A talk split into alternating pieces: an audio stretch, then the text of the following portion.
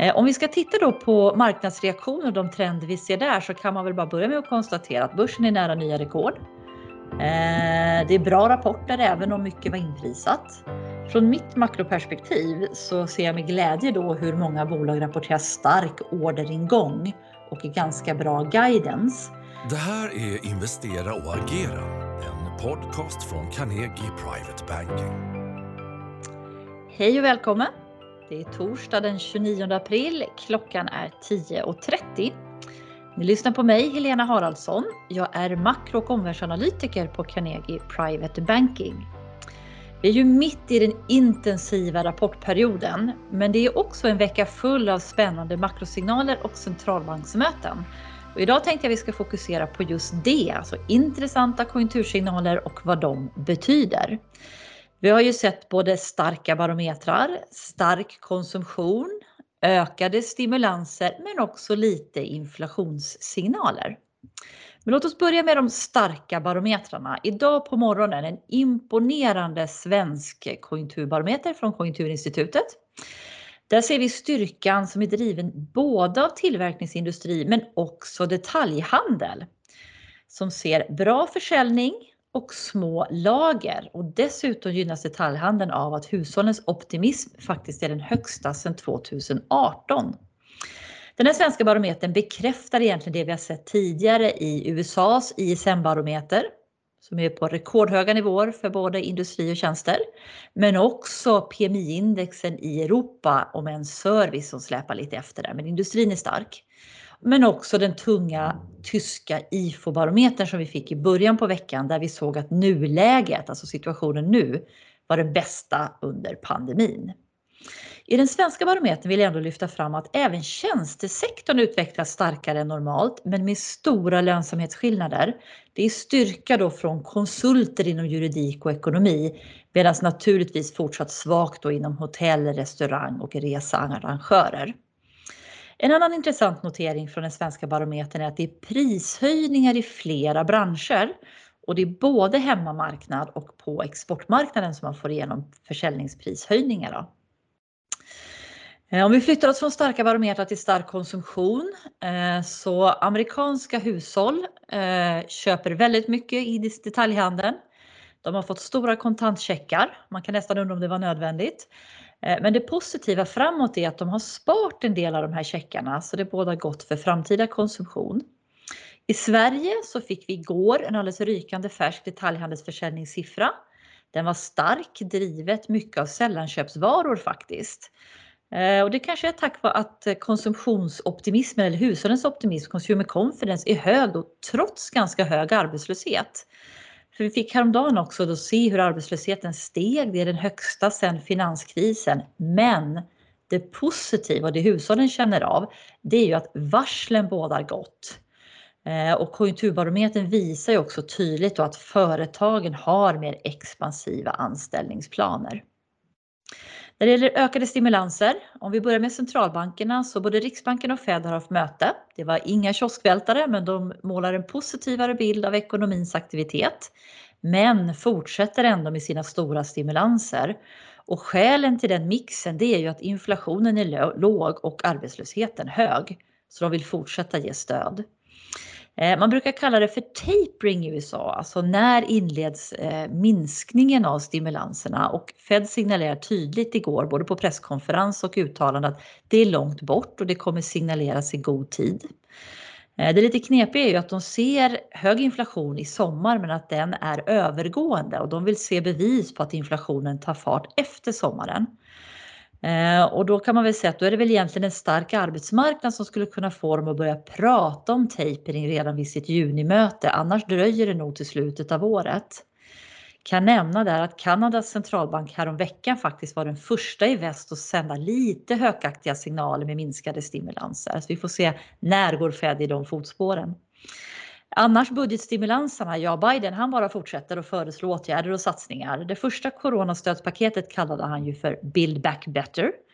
Sen har han också, det är klubbat och klart, sen har han presenterat ett infrastrukturförslag som han kallar för American Jobs Plan. Och den här veckan då började han prata om något som heter American Families Plan och då handlar det om tusen miljarder i satsningar på förskola, barnomsorg, kommunalt college, subventionerad hälsovård och så vidare. Men också faktiskt 800 miljarder i skattelättnader. Eh, men det här kommer debatteras precis som infrastrukturförslagen under sommaren. Eh, I Europa kan man väl ändå nämna att vi under veckan har börjat få mer detaljer för hur man vill använda EUs stödfond och först ut var ju då Italien med eh, sin ledare Draghi. Men intressant också att IMF har uppmanat varje enskilt land att faktiskt göra än mer utöver den här stödfonden. Så vi får se om det kommer, men fler detaljer kring hur den ska användas då med kanske framförallt start under nästa år. Eh, allt det här har lett till en viss inflationsoro och det fick ju stöd av KI-barometern då med försäljningsprishöjningar både på hemma och exportmarknad. Men jag tycker också bolagen bekräftar att de får igenom prishöjningar. Det är väldigt få svenska bolag som har nämnt problem med ökad inputkostnad utan de kan skjuta det här vidare tack vare bra efterfrågan. Och ett intressant exempel på det, det var ju faktiskt Electrolux som skjuter kostnaderna vidare just tack vare stark efterfrågan. Det är inte så ofta vi ser det så tidigt, men den här gången såg vi det. Eh, om vi ska titta då på marknadsreaktioner och de trender vi ser där så kan man väl bara börja med att konstatera att börsen är nära nya rekord. Eh, det är bra rapporter även om mycket var inprisat. Från mitt makroperspektiv så ser jag med glädje då hur många bolag rapporterar stark orderingång och ganska bra guidance. Eh, och det är väl också det här som får analytikerna då att revidera upp vinstprognoserna. Ett litet orosmoln som fortfarande finns kvar, det handlar om det här med bristen på halvledare. Eh, flera biltillverkare, men om vi också går globalt och Apple och Samsung ser ju negativa effekter av den här flaskhalsen då. Går vi till sektorer så har det återigen i veckan då varit mer fokus på konjunkturkänsliga sektorer som finans och energi som är lite vinnarsektorerna då om vi tittar på globalt och USA. Med defensiva sektorer har ju gått sämre då som hälsovård, dagligvaror men faktiskt också tech trots väldigt bra rapporter. Eh, när vi ändå pratar konjunkturkänsligt så råvaror stiger, framförallt kopparrallyt har bra fart. Det här är ju ett tema som vi har pratat om i tidigare poddar. Eh, det är ju en konjunkturkänslig metall men som också har strukturellt stöd av eh, ökad efterfrågan från hela elektrifieringstrenden. Och just nu så gynnas ju också många råvarupriser som kopparn av en svag dollar. Trots konjunkturstyrka och trots lite inflationsoro så har faktiskt den här pausen i långränteuppgången fortsatt. Lite några räntepunkter upp här i veckan, 57 ungefär i USA, men räntenivån är ändå under nivån i slutet av mars. Eh, framåt här så tror vi på en fortsatt ränteuppgång och som vi har sagt tidigare så behöver inte högre räntor skälpa börsen om det orsakas av stark konjunktur. För då blir ju vinsterna bättre också. Däremot innebär ofta högre räntor lite motvand för värderingen och P-talen så att det krävs vinstlyft för att driva börsen. Sen tror vi att det kommer, men det krävs. Sen kommer det också ge det vi har sett hittills, förnyade sektorskillnader och då är det ju lite mer negativt för tech och mer positivt då för konjunkturkänsliga sektorer. Och kanske framförallt de framöver med som har pricing power. Eh, tittar vi på svenska börsen så är den upp och tittar vi för hela april så är den ju upp ungefär som USA och världsindex. Men i och med att kronan har stärkts då, då mot dollarn så är ju svenska börsen en, en vinnare mätt i SEK.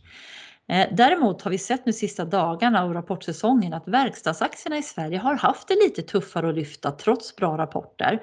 Och det har vi också nämnt i tidigare poddar att de har varit, inte bara jag utan även andra Eh, från mäkleri och förvaltare då att svensk verkstad kanske var price for perfection. Eh, vad vi har sett också en annan intressant trend, det är ju om man pratar om reopening, alltså vilka bolag gynnas av om vi öppnar upp mer till hösten. Och de börjar redan gå trots ganska ljumma rapporter utan bara på bättre utsikter. Och exempel på det då, det har ju varit Scandic och Electrolux bland annat har vi sett de aktierna stiga, eller Electrolux professionella del ska vi förtydliga då. Eh, annan ställe där det är högt tryck, ja det är ju transaktioner. Det märker väl ni kunder, men också här på Carnegie, det är nästan en transaktion i veckan. Och tittar vi på sammanställningar över hur det ser ut globalt och i andra länder så är hittills i år transaktionsvolymen större än vad vi såg i helåret 2019. Eh, ska vi summera det här lite så är det intensiva tider både på rapporter och makro. Eh, vi upplever att många kunder är lite positivt uppgivna, om man kan beskriva det så, och undrar lite vad ska driva börsen vidare. Och då vill ju vi, som vi har sagt så många gånger tidigare, att en rekyl på omkring 10 det är normalt. Det brukar vi se efter starka uppgångar som vi har haft nu. Så det ska ni nästan vänta er. Men konjunkturen är stark. Den här styrkan bekräftas i bolagens rapporter och orderutsikter. Analytikerna lyfter vinstprognoserna och centralbanker och eh, framförallt Biden då fortsätter sina stimulanser. Eh, vi noterar också, det är viktigt i den här ingrediensen för att lyfta börsen vidare, att investerarna har en inställning att köp på nedgång. Man är lite sugen om det kommer ner. Eh, och vad vi har fortsatt och vad vi rekommenderar, det är ju en övervikt till aktier. Ni ska dock uppmärksamma att vi nyligen för några veckor sedan tog lite vinst i svenska aktier som är, har gått mycket starkare än utländska aktier i år. Eh, och istället då har ökat i utlandsdelen. Och mer allmänt så är vårt allmänna råd då att rekyler kan öppna upp intressanta lägen. Eh, det var allt från mig för idag och tack för att du har lyssnat.